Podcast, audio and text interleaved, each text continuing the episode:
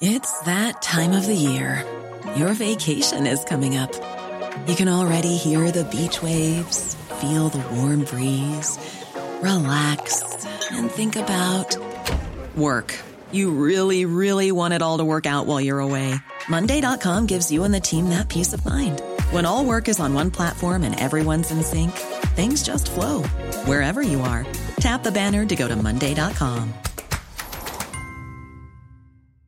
Hey, it's Ryan Reynolds, and I'm here with Keith, co star of my upcoming film, If, only in theaters, May 17th. Do you want to tell people the big news? All right, I'll do it. Sign up now and you'll get unlimited for $15 a month in six months of Paramount Plus Essential Plan on us. Mintmobile.com slash switch. Upfront payment of $45 equivalent to $15 per month. Unlimited over 40 gigabytes per month. Face lower speeds. Videos at 480p. Active Mint customers by 531.24 get six months of Paramount Plus Essential Plan. Auto renews after six months. Offer ends May 31st, 2024. Separate Paramount Plus registration required. Terms and conditions apply if rated PG. Ready to pop the question? The jewelers at BlueNile.com have got sparkle down to a science with beautiful lab grown diamonds worthy of your most brilliant moments. Their lab grown diamonds are independently graded and guaranteed identical to natural diamonds, and they're ready to ship to your door. Go to BlueNile.com and use promo code LISTEN to get $50 off your purchase of $500 or more. That's code LISTEN at BlueNile.com for $50 off. BlueNile.com code LISTEN. God morgon, god morgon. Nu börjar man känna mig som Weiron i åttan direkt. vi, vi kör ju vår nya rutin. Mon morgoninspelning på en lördag. Humöret är i topp. Energin kommer så småningom, åtminstone för mig. Vi ska snacka igång rösten lite grann också. Eh, kaffekopparna är laddade. Vi är laddade. Du lyssnar som vanligt på mig, Paula. Mig Kajan. Och mig Hanna. Då har vi inspelningen igång. Så ja, åklagaren kan väl börja ställa frågor. Ja, tack.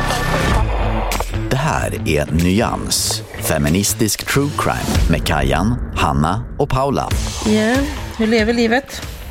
Nej, men alltså jag känner att det finns så mycket man kan säga om så mycket just nu. Oj! så att jag vet inte ens vad jag ska säga. Så jag bollar till dig Kajan. Oj, du hade så mycket att säga så det blev ingenting. Ja, exakt.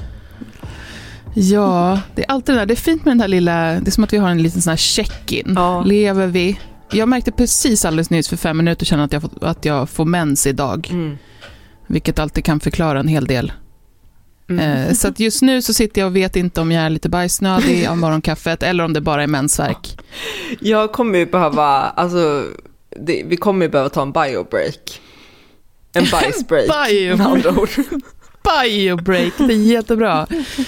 Eh, för att det här, eh, men det, ja. Kaffe. Det är alltid med morgonkaffet också, Ja. man vet inte när det kickar Nej. in, man vet bara att det kommer men att kicka när det in. väl kickar in så går det så fort.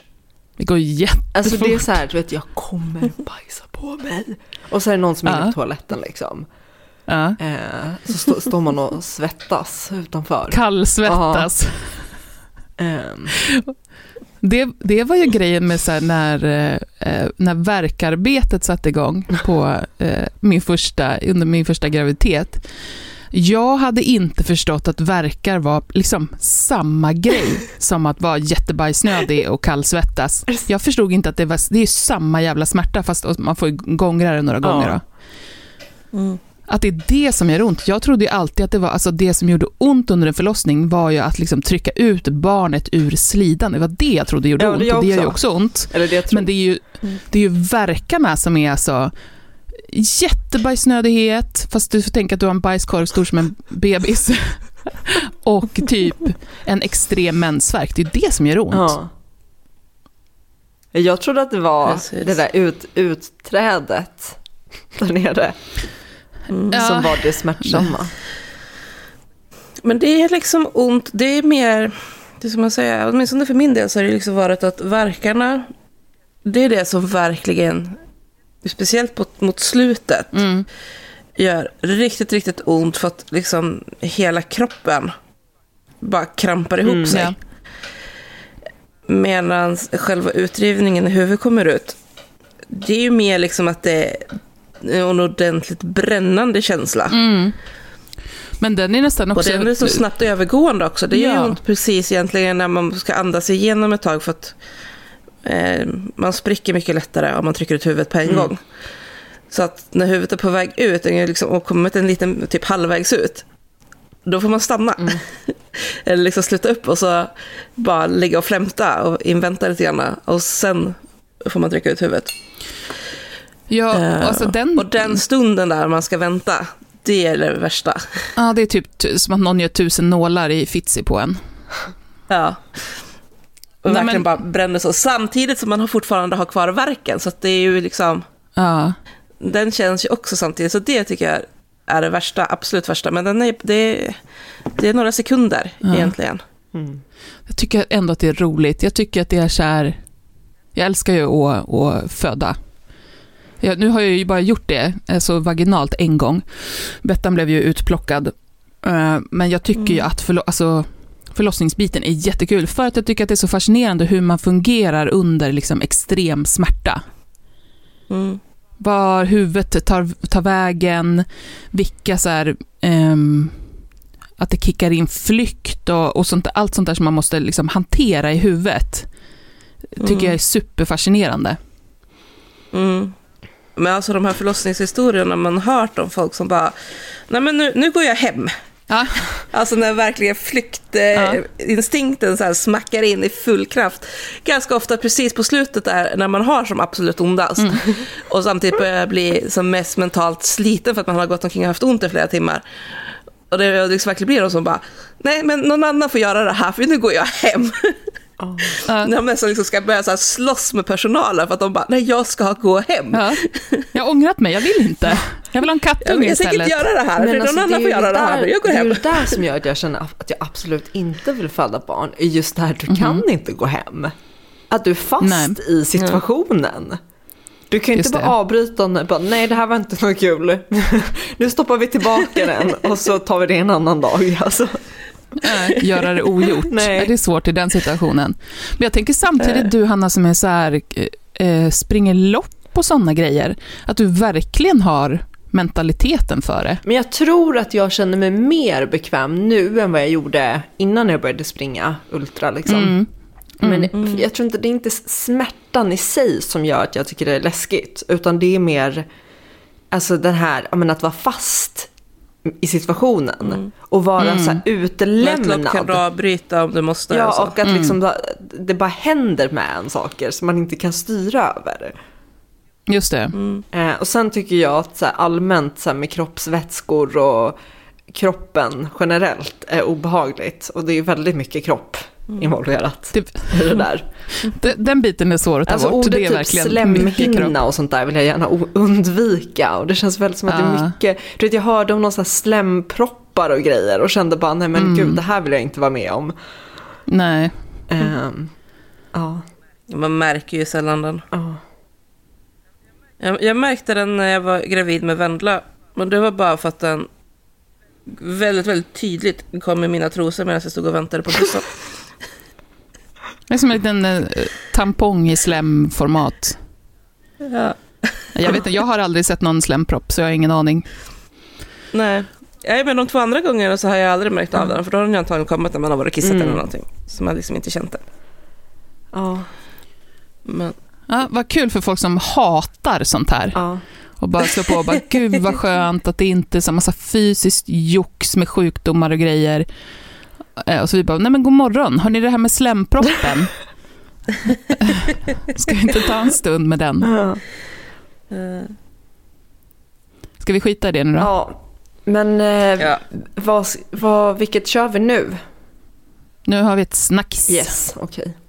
Jag ska bara, jag måste liksom stoppa in, jag har en sån här, nu ska vi se om ni ser, ett linne som är så här jättedjupt, fast jag har ingen bh. Ja, jag fattar. Så tuttarna Så att jag- smiter ibland. De smiter och jag måste packa in dem nu känner jag, liksom, med linne under. Mm, så ser jag sitter här utan problem. Alltså egentligen, nu när jag tänker på det, man kan ju ha separata liksom tygbitar som är bara till för att sitta under brösten. Om man inte vill ha bh på sig, istället för att packa in, för jag håller ju också alltid på att packa in t-shirt och linnen och grejer under. Men nu ska vi se, hur, Men, va, va, hur sitter den fast? ja men av eh, eh, tyngd, tyngdlagarna, tänker jag. Gravitation.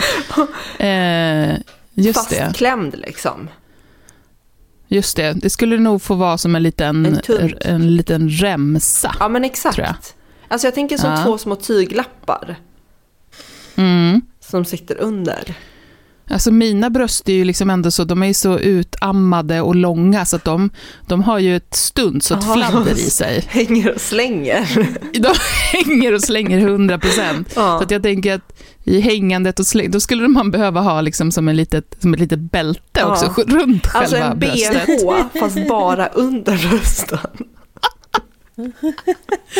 Så en liten rem som man knyter runt och Ja. sätter en fin liten rosett på ovansidan. Det blir som en liten hakla. Alltså, Ja. eh, Exakt. det, det finns ju sådana här sexy lingerie. Alltså, det, det som ska föreställa sexiga underkläder finns det ju i form av bh som liksom bara har kupa under. Men just Att man det. ska få upp, upp tuttarna lite grann. Men inte egentligen täcka dem för att det ska vara Sexigt. sexigt. Just det. Jo men jag vet vad du menar faktiskt. Det är sant. Ska jag beställa en sån till dig Kajan? Ja, men Så kan vi alltså, testa. Jag skulle Ja, också jo, kunna köra jag på kunna. en sån. Hanna börjar googla direkt. Ja. Jag har provat, ni vet, och det var väldigt i ropet när man skulle ha, det är som en bh fast det är liksom verkligen bara som en liten hetta och så är det liksom som ett klister Ja, som man sätter på och sen, så sätt, och sen fäster man ihop dem. ja jo, jag vet. fram. Det är hemskt. Jag, prov, jag köpte hem och provade en sån. På mina hängpattar, det såg ut som två små toppluvor. Som sen liksom bara knäpptes ihop så att liksom allting blev som en stor cirkel. En livboj som hängde ner liksom på magen. Det var det sjukaste jag sett. Du, hon TJ har ju provat sådana också, fast det var det här nya i ropet i form av tejp. Ja, just det. Så att, så att det är liksom tejp som man sätter på undersidan av bröstet som drar upp och så fäster. Så man ska få upp bröstet liksom. Och hon har ju också rätt stora och hängiga bröst. Så hon provade ju sådana och liksom drog upp det. Och så såg det jättebra ut. Tills hon bounceade lite grann. Ja. Och då släppte det ena, men inte det andra. Nej men alltså jag har också provat sån där knäppa ihop brösten. med- Alltså det är ju en fruktansvärd eh, invention. Det, Nej, men det alltså det hemskt. funkar ju bara på så här B-kupa silikonbröst. Ja, alltså du, jag tror det måste vara silikon i. För att mina, jag, jag har ju typ B-kupa, men det, alltså det var ju för jävligt. Ja, ja men precis silikon, för det måste Det- vara tillräckligt hårt Ja. liksom, i brösten för att det ska kunna Jag har ju ingen formas på något sätt. stabilitet i mina. Alltså de är liksom... Gud, nu De är lite- låter som att de du ska de här- reklamera dem. Lite, också lite sådär, vad heter det, koögda eller vindögda. Som ett. Det flyktdjur finns- med ögonen på sidan. Kommer ni ihåg? Eller säkert inte. Eh, vad hette hon? Li- Lisa... Inte Marklund, en annan Lisa. Skitsamma. Hon skrev eh, deckare. Typ sent 90-tal, tidigt 00-tal. Lisa med Z. Ja, Ja. precis. Eh, jag läste ju hennes allra första bok. Om den här reportern som löser brott. Mm, exakt, den blev jättehypad. Mm. Och där är, alltså jag kommer ju ihåg det här för jag tyckte det lät så himla konstigt. Eh, och jag var väl kanske så här 14-15 när jag läste den boken. Mm. Men, jag, och jag kommer ihåg den mest för att hennes pojkvän sprättade, sprättade upp hennes eh, söta lilla kattunge. För att han är jättevåldsam mot henne. Men skitsamma. Eh, då är det en kvinna som har blivit mördad och hittad på en kyrkogård. Mm. Och eh, den här reportern bara i förbifarten konstaterar att mordoffret har silikonbröst. As you do. Hon, as you do. För att hon kunde se det på att den här mördade kvinnan hittas liggande på ryggen. Men brösten sitter rakt upp. Det Istället de för att ut Alltså, i de armhålorna. beskriver verkligen, alltså, hon beskriver Ja. verkligen det i boken. Liksom, Ja. så att, ja, men, eh, om man inte har silikontuttar och lägger sig på rygg så flyter Ja, ja. ju brösten ut och gärna ner liksom, åt sidorna. Mm. Men eftersom hon hade så liksom, Ja. extremt silikoniga pattar så stod de fortfarande liksom Men rakt, alltså det är rakt fram, sant, rakt jag har upp. inte tänkt på det. Men det är ju sant, man ligger på rygg så är de ju aldrig, de är ju aldrig på ändå. De är ju i sidorna. Alltså jag kan ju Ja. tappa bort ett bröst om jag ligger på rygg. Och är så här, varför har jag bara ett? Och då ligger ju det ena under armen någonstans. Ner i madrassen liksom, får man rota rätt på det. Börja nysta så här i, i huden. Och se var man hamnar. Åh gud. Få koppel på dem. Ja. Ja. Ehm, I serien Botched, det är någon sån här, om två plastikkirurger som hjälper personer som har gjort dålig plastikkirurgi Mhm. att liksom fixa till resultaten och sådär. Och där har de ju också sån här grej att de pratar, har pratat en del om att med den nyare typen av implantat så får man inte längre den effekten riktigt. Att de står Okej. rakt upp. Av att brösten liksom blir- hårda Ja. och står rakt ut eller sådär. Utan nu, dels har man ju gjort mer naturtrogna, så droppformade Mm. implantat som hjälper till att göra att brösten blir liksom lite hängiga. Eh, som de är naturligt. Men också att det är mycket mjukare material i dem så att även nu när man ligger på rygg eller liknande så flyter brösten lite grann. Men då blir det också Det så var här, intressant att veta för den som av någon anledning vill. men vad betalar man för då liksom? Om de... Att de blir större då? Nej, men, de säga, blir var, större. var, varför går man igenom en operation då, om de ändå kommer se naturliga ut? Och flyta ut liksom och tappas Om de bort. ändå ska flyta ut, tappas bort i madrassen. Det är för att man vill ha dem större. Ja, just det. Ändra storleken. Område 2, 29 återkom. Nyans.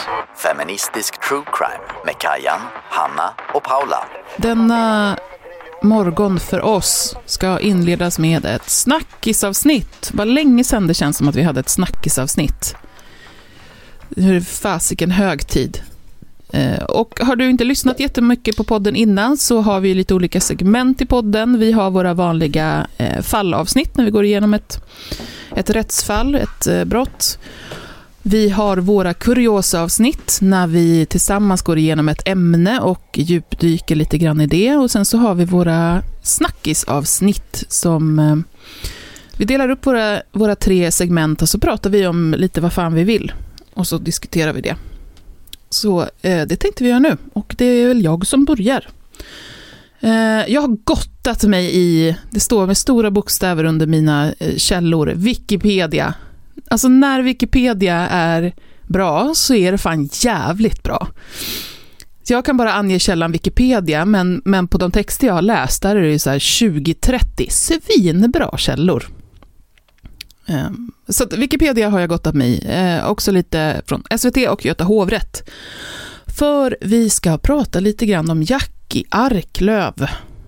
Hans namn poppade ju upp här under, ja, för er som lyssnar blir det förra veckan, i anslutning till att han ville få sitt livstidsstraff omvandlat.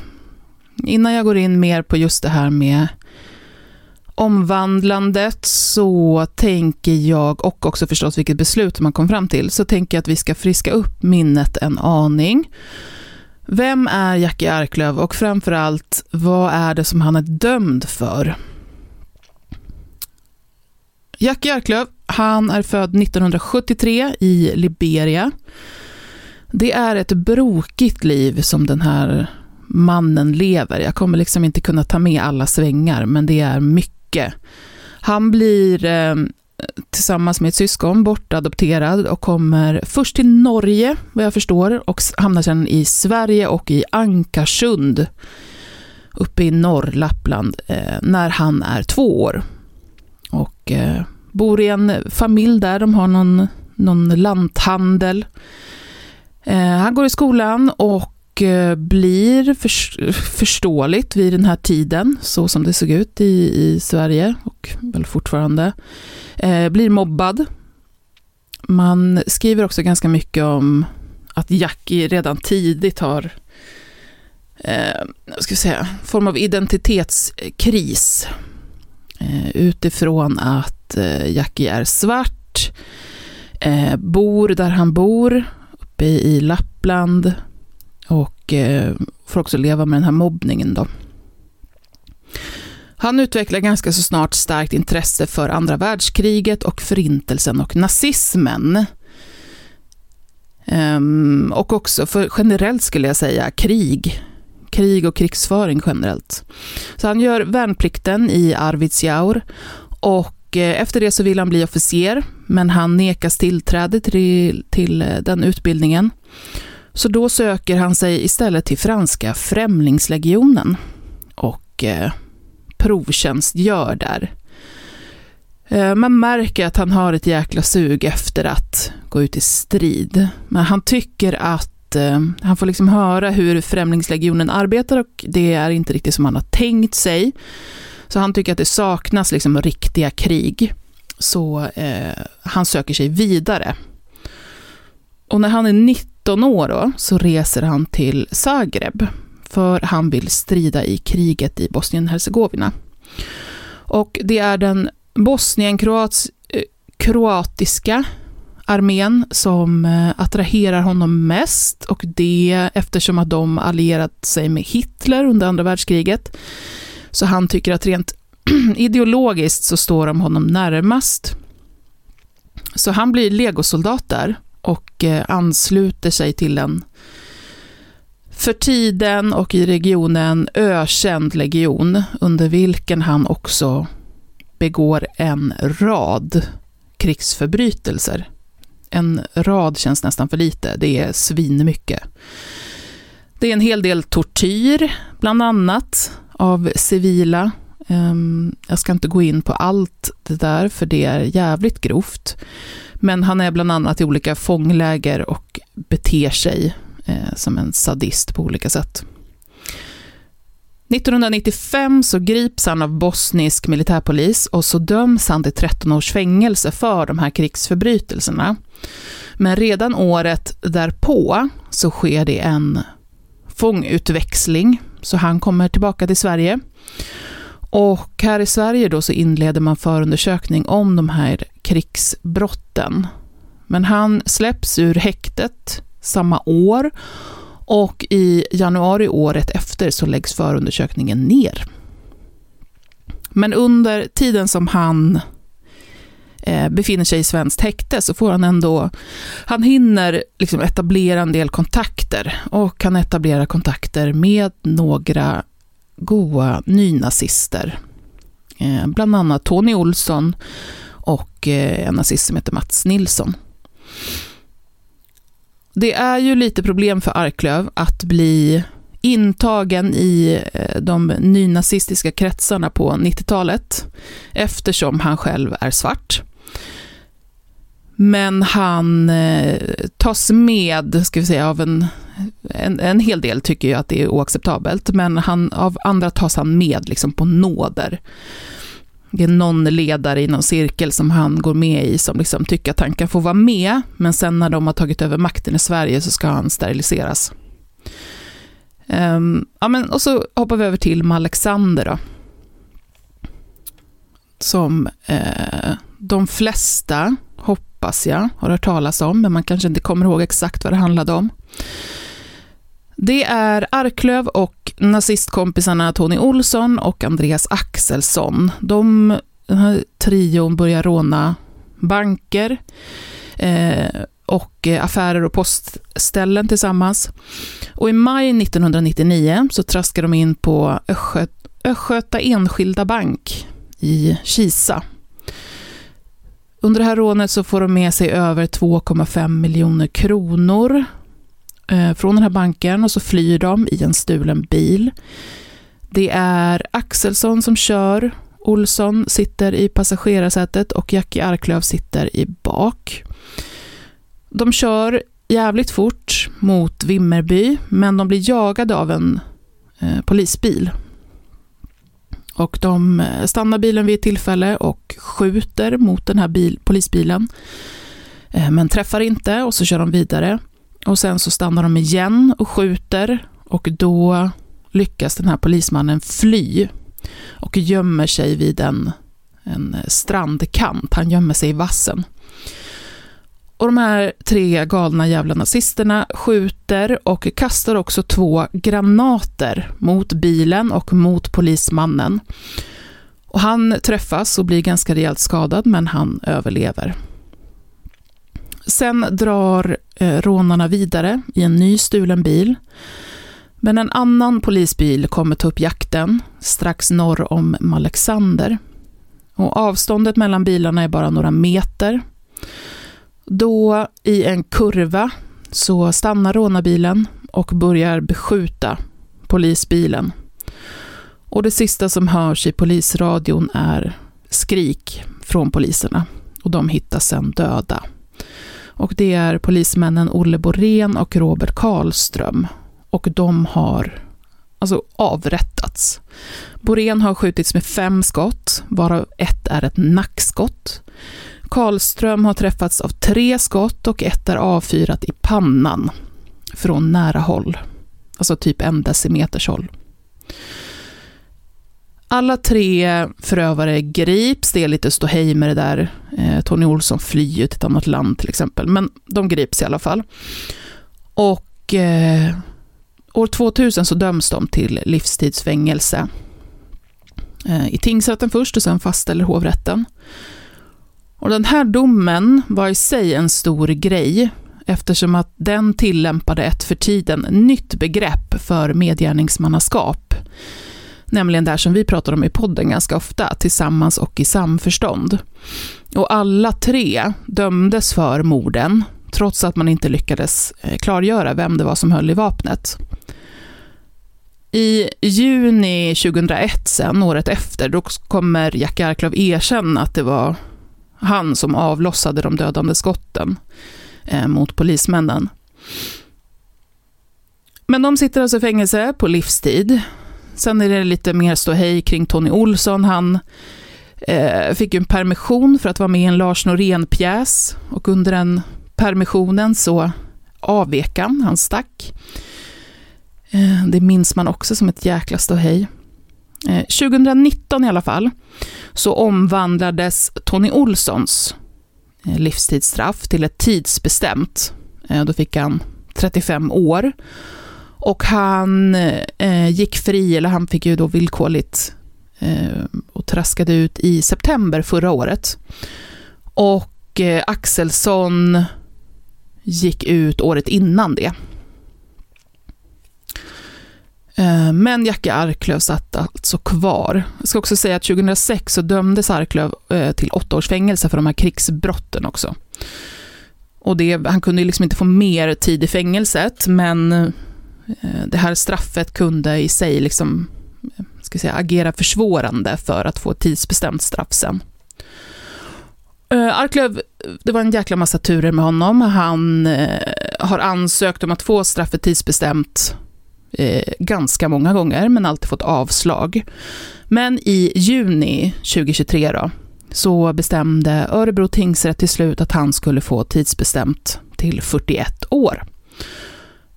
Det överklagades till hovrätten. Göta hovrätt, hovrätt höll inte med.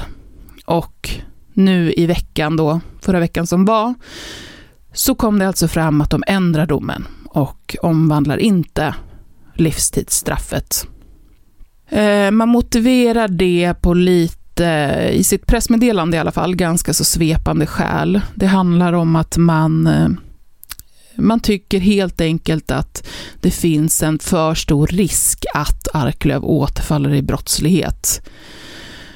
Vilket förstås är ett absolut hinder mot omvandling av ett livstidsstraff. Eh, och, och, där var, det, jag kan läsa bara en mening, det står så här. Vid denna bedömning fäster hovrätten större vikt än tingsrätten vid att Socialstyrelsen i ett yttrande ställt sig tveksam till, och alltså inte anslutit sig till, Rättsmedicinalverkets bedömning att återfallsrisken skulle vara låg. Eh, så Rättsmedicinalverket har alltså gjort en bedömning att återfallsrisken är låg, men Socialstyrelsen har eh, tyckt att det varit, eh, låtit tveksamt. Och det är det som hovrätten också går på. Eh, så Jackie Arklöv sitter kvar. Vad, vad, säger, vad, vad, har ni tänkt? Vad tänker ni när man säger Jackie Arklöv? Liksom? Vad har ni för relation till um, den förövaren? Jag ska bara säga innan det att jag tycker det är jättebra mm. att man tar det säkra för det osäkra i en sån här situation. Det är det ena. Ja. Sen, eh, jag, jag, alltså när det här hände då var jag fem år, tror jag. För det var 2000 han blev dömd. Eller när, när, vilket år var det hände? Ja, 99. 99, ja men då var jag fyra år. Eh, så att jag, jag har inte jättemycket relation eh, till det. Eh, däremot så har jag ju liksom läst om det såklart. Jag kommer ihåg att vi pratade om de här domarna på juristprogrammet och sådär. Men, det. men jag, har inte, jag var liksom inte med när det var, alltså läst i tidningarna och sådär. Eh, så att jag har en liten, liksom, ja, inte jättemycket relation. För just den här kurvan där Ja. bilarna stod är ju sånt som har präntat sig in i mitt huvud. Ja, det är sånt som jag inte har. Jag har ju Nej, googlat fattar. liksom i efterhand och sådär. Mm. Eh, men, men ja. Jag vet ju att jag pratar med, med min kompis Helena är ju väldigt eh, intresserad av sånt där. Vi pratar ju jättemycket brott och sånt där. Och jag vet att jag Ja. vid något, så här, något tillfälle bara, vem fan var det nu? Just det, det var det ja. Eh, Så Ja. att jag har lite den relationen. Min, min främsta relation till hela det här, det, det har ju dels varit, om man ska säga det här med att eh, nå, någon form av sell-out-känsla på att vara en person som inte faktiskt är vit svensk Mm. Och ändå liksom anstränga sig så mycket för att bli accepterad in i nazistiska kretsar. Just det. Det hade jag svårt för. Um, och sen var ju det här, jag gick ju i högstadiet typ. Uh, jo, det blir det. Jag skulle, jag skulle precis börja sjuan när det hände. Mm. Och eh, hade väl redan då lite det här att jag inte kunde begripa varför det såg som så mycket värre för att de var poliser. Just det. Och det hänger ju kvar. Alltså, det, det är så här, det är hemskt för det var människor som blev liksom avrättade. Tvingade och alltså, skjutna på nära håll i bakhuvudet och sådana grejer. Det, Mm. det är jättehemskt. Men jag har så himla svårt att acceptera att det skulle vara mer hemskt för att de var poliser. Mm.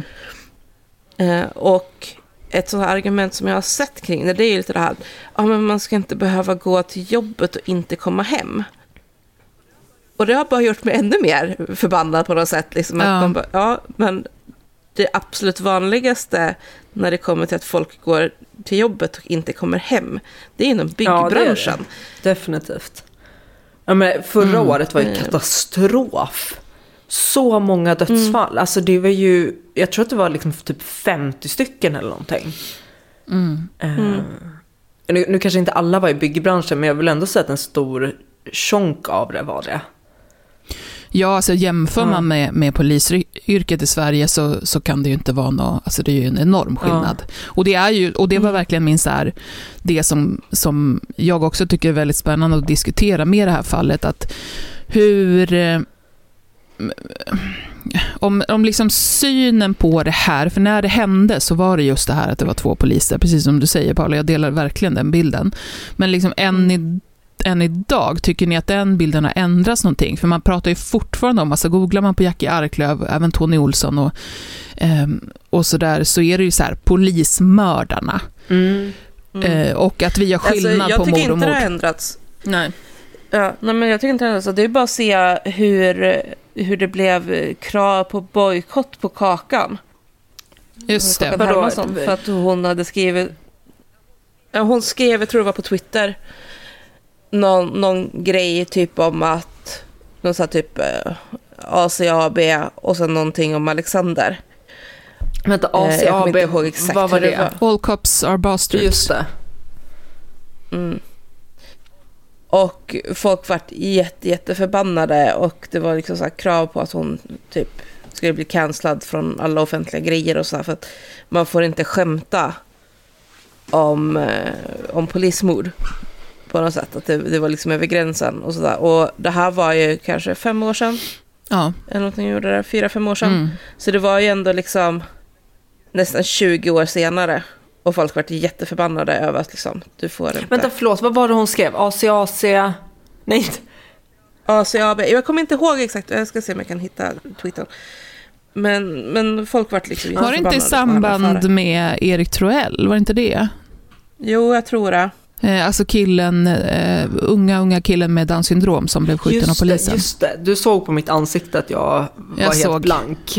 Ja, jag tänkte nu ska jag fånga in Hanna. Ja, jag bara höll på att leta i arkiven och bara nopp, Ja. hittar ingenting. De mentala arkiven. Jag är all, alltså så, det känns som att jag så ofta är lost när det är sånt här. När det är så här, om det här namnet. Det, det är som att min hjärna registrerar inte sånt. Så här namn. Eh, Men vi är också, Olle, sånt som är en tid bakåt har vi olika referenser om eftersom du är yngre. ja. Alltså inte som något, det är bara klart att det är så. Mm, nej, Ja. vad har jag hittat? Mm. 2014 var det hon skrev grejerna, så att det vill säga 15 år Ja. senare. Och eh, hon blev... Det var Audi bland annat, alltså bilföretaget Audi fick jättemycket kritik för att de anlitade henne 2016. Just det. Så två år senare går folk fortfarande taket över det. Och än idag har jag sett alltså att folk fortsätter också. Alltså näst, nu har det gått ytterligare nästan åtta år. Och folk är fortfarande upprörda. Men vad hon skrev? Eh, Och det hon skrev var först en tweet som var Kämpa Stockholm, idag och för alltid, ta hand om varandra och glöm mig ACAB. De skyddar nassarna, inte oss. Och det här skrevs i samband med... Det här, det här var ju, måste ju varit i samband med någon av de här Ja, nazistdemonstrationerna. att Ja, jag tänker att måste det måste ju ha någon, alltså att det måste ju finnas i någon kontext liksom. Jag tänker att hon inte så här vaknar en dag och bara får feeling. Ja, nej men det här var när det var en, en större nazidemonstration i Stockholm. När de skulle liksom marschera genom Stockholm och det var jättemycket eh, antifascistiska demonstranter runt omkring. Och sen det andra, det tror jag var som hon skrev i samband med Erik Torell. Och det var, det var ett jävla tjat om Alexander Pallande snuten tycker synd om sig själva. För att det började dras upp i samband Jaha, med det. okej, jag fattar. Eh, eftersom de ju sa att de sköt honom för att han hade en leksakspistol, men de kunde inte se att den var leksak. Och då var det ju folk som började dra upp liksom Alexander Ja. också, tänk på att vi har det här våldet emot oss och bla bla bla, liksom att man måste förstå varför poliserna valde att skjuta. Ehm, typ så. Och då drog hon upp den grejen. Så det är de två sakerna hon har skrivit. Som folk fortfarande är förbannade över. Det känns väldigt så amerikanskt också. Alltså i, in the line of duty. Eh, att- just att det är liksom människor som på något sätt uppoffrar sig för att skydda oss andra. Och därför blir det liksom värre då när de utsätts. Ja. Alltså jag, Eh. jag känner mig inte helt... Alltså, jag kan förstå det här med att man är... Men nu tänker jag framförallt på USA där det är så mycket mer liksom, eh, skjutvåld. I och för sig nu har det kommit till Sverige också. Men, men just det här att man som polis är liksom hypervigilant. Eller vad man ska säga. Att man är Ja. on edge. För att man liksom vet att det finns det här våldet som man på något sätt ska in i. Eh, Och man inte vet när det kommer. Jag kan förstå det. Eh, men jag vet inte, jag känner mig inte så opinionated över det här. Det är väl just liksom i att värderandet att se på mord av vissa personer som mycket, mycket värre Ja. än mord på typ en, någon som jobbar på ICA. Liksom. Men jag, det här är så här konstigt för att jag har också fattat det som att när vi har läst olika fall att man tycker att poliser har eh, borde kunna ta lite mer än average person. Jag tror att det kan ha varit när jag var själv satt som nämndeman att det var uppe något fall om så här ehm, ja, men att ett visst våld ska man kunna hantera i sin yrkesutövning. Mm. Och att man därför var så här, ja men det här ingår i jobbet typ. Eh, då var det någon, någon, något gripande och någon hade varit våldsam och fäktat omkring och sådär. Ja. Och att man tyckte så men det här är ju det, det som är arbetet, att hantera de här människorna. Så då, då, då är inte det, ehm, ja men, tingsrätten köpte liksom inte det. Eh, Nej. men jag vet inte. Nej, men jag menar, för det- för det är också, är du i en yrkesroll som går ut på att eh, är det, är det farliga våldsbenägna personer ska du inte gå åt andra hållet utan du ska gå närmare. Mm. Så, är det, så är det ju klart att eh, risken för att bli utsatt för våld eh, ökar ju Mm. jämfört med någon som går åt andra hållet. Så är det ju självklart. Men jag tror att det blev just med eh, med morden i, Alexander, så, men också på grund av liksom avrättningskaraktären. Eh. Ja. Jag tror att hade, hade de dött och det inte hade varit ett nackskott och ett skott i pannan så tror jag att det hade sett lite annorlunda Det ut tror jag ändå. också, definitivt. Eh, Det är så Jo, vulgärt ja, ju- liksom. Ja, precis. Och just eftersom Jackie Arklöv kommer från de här liksom kontexten med krigsförbrytelser Ja. och tortyr och, och avhumaniserande på olika Mm. sätt, så, så blev det så, eh, så liksom hårt just mot eh, poliserna i det. Och det kan jag fatta. Ja, men jag tror det också, för att eh, samtidigt, jag menar, vi har, vi har ju någon situation, nu kommer jag inte ihåg vilket år det var, men det var efter med Alexander i alla fall. Så var det ju två poliser som dog under en biljakt för att deras bil voltade. Mm. Ehm, och det är så här folk som, det skrevs ju om det då, men jag tror ju typ ingen kommer ihåg det idag. Nej. För att där var jag alltså... Det var ju bara otur. Det var ju bara deras egen otur som gjorde att bilen voltade. Mm. Just det.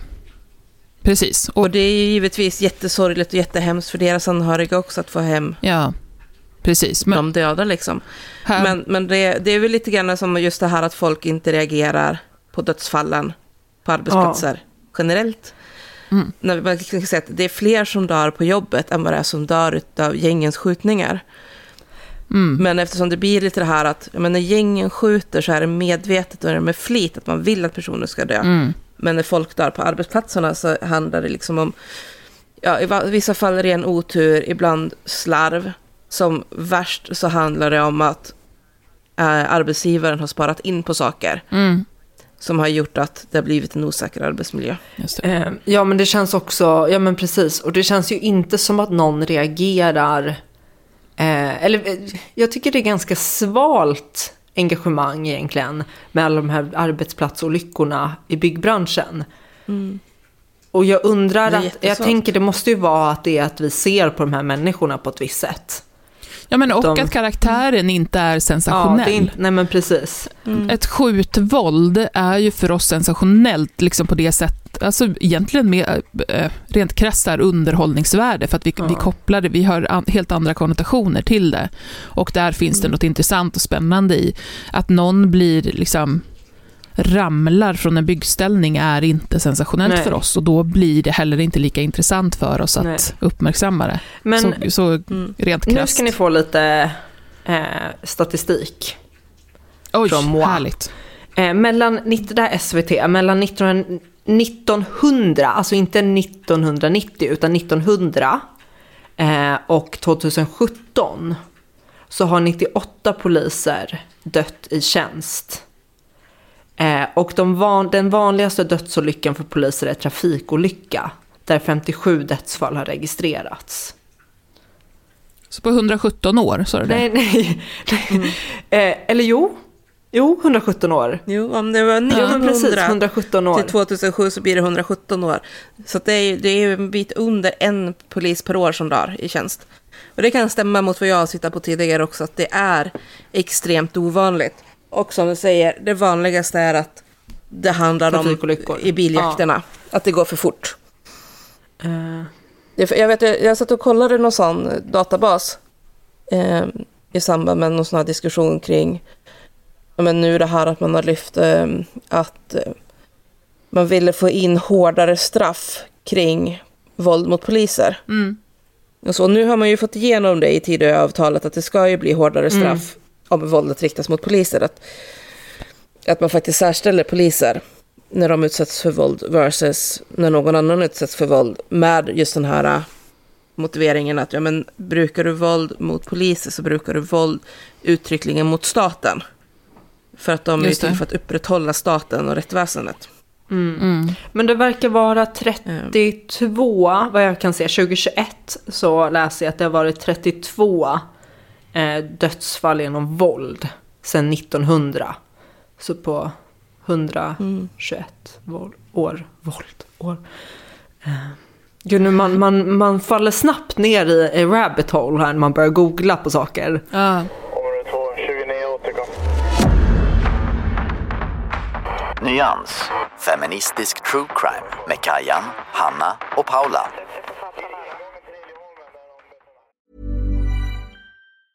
Hey, it's Ryan Reynolds, and I'm here with Keith, co star of my upcoming film, If, only in theaters, May 17th. Do you want to tell people the big news? All right, I'll do it. Sign up now and you'll get unlimited for $15 a month in six months of Paramount Plus Essential Plan on us. Mintmobile.com slash switch. Upfront payment of $45 equivalent to $15 per month. Unlimited over 40 gigabytes per month. Face lower speeds. Videos at 480p. Active Mint customers by 531.24 get six months of Paramount Plus Essential Plan. Auto renews after six months. Offer ends May 31st, 2024. Separate Paramount Plus registration required. Terms and conditions apply if rated PG. Burrow's furniture is built for the way you live. From ensuring easy assembly and disassembly to honoring highly requested new colors for their award-winning seating, they always have their customers in mind. Their modular seating is made out of durable materials to last and grow with you. And with Burrow, you always get fast, free shipping. Get up to 60% off during Burrow's Memorial Day sale at burrow.com slash ACAST. That's burrow.com slash ACAST. burrow.com slash ACAST.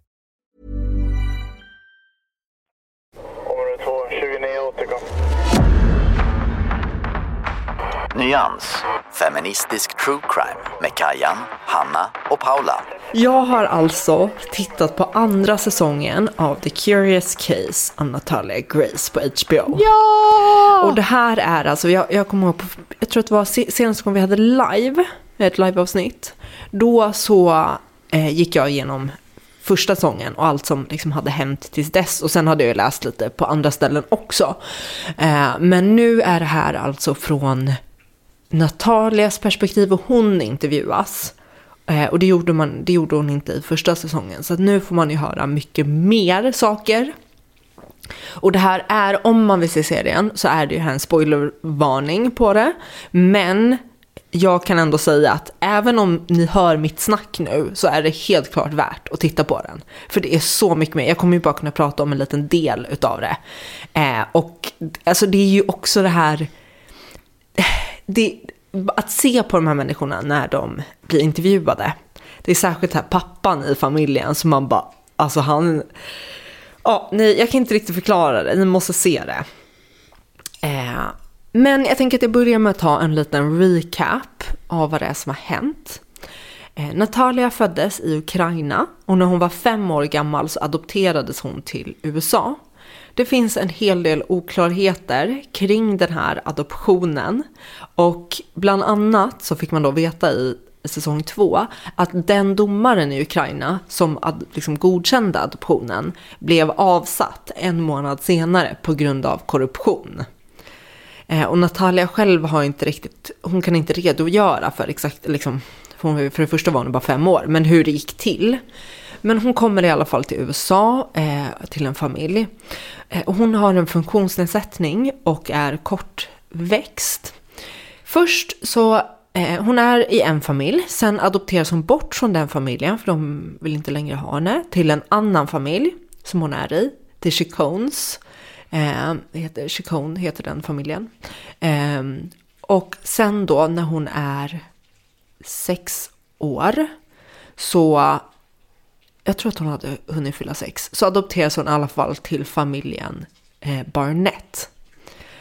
Och det är där som eh, allt kaos, eller ja, det andra är också kaos, men den här serien handlar om det kaoset.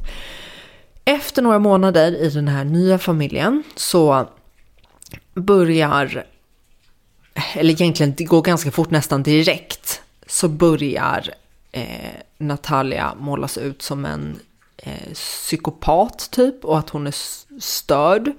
Eh, och man börjar hävda att hon egentligen inte är ett barn.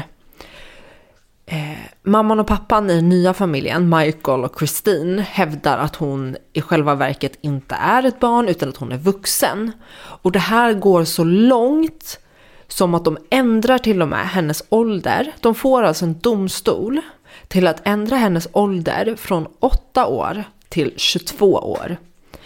Och alltså det här, bara den här grejen att det finns alltså en domare som, som på eh, egentligen eh, noll trovärdigt, alltså extremt tunt underlag ändrar det här. Det är ju basically en läkare som har skrivit, eh, som är familjens typ vän har skrivit ett, ett intyg där han säger typ, ja ah, men hon är nog äldre liksom.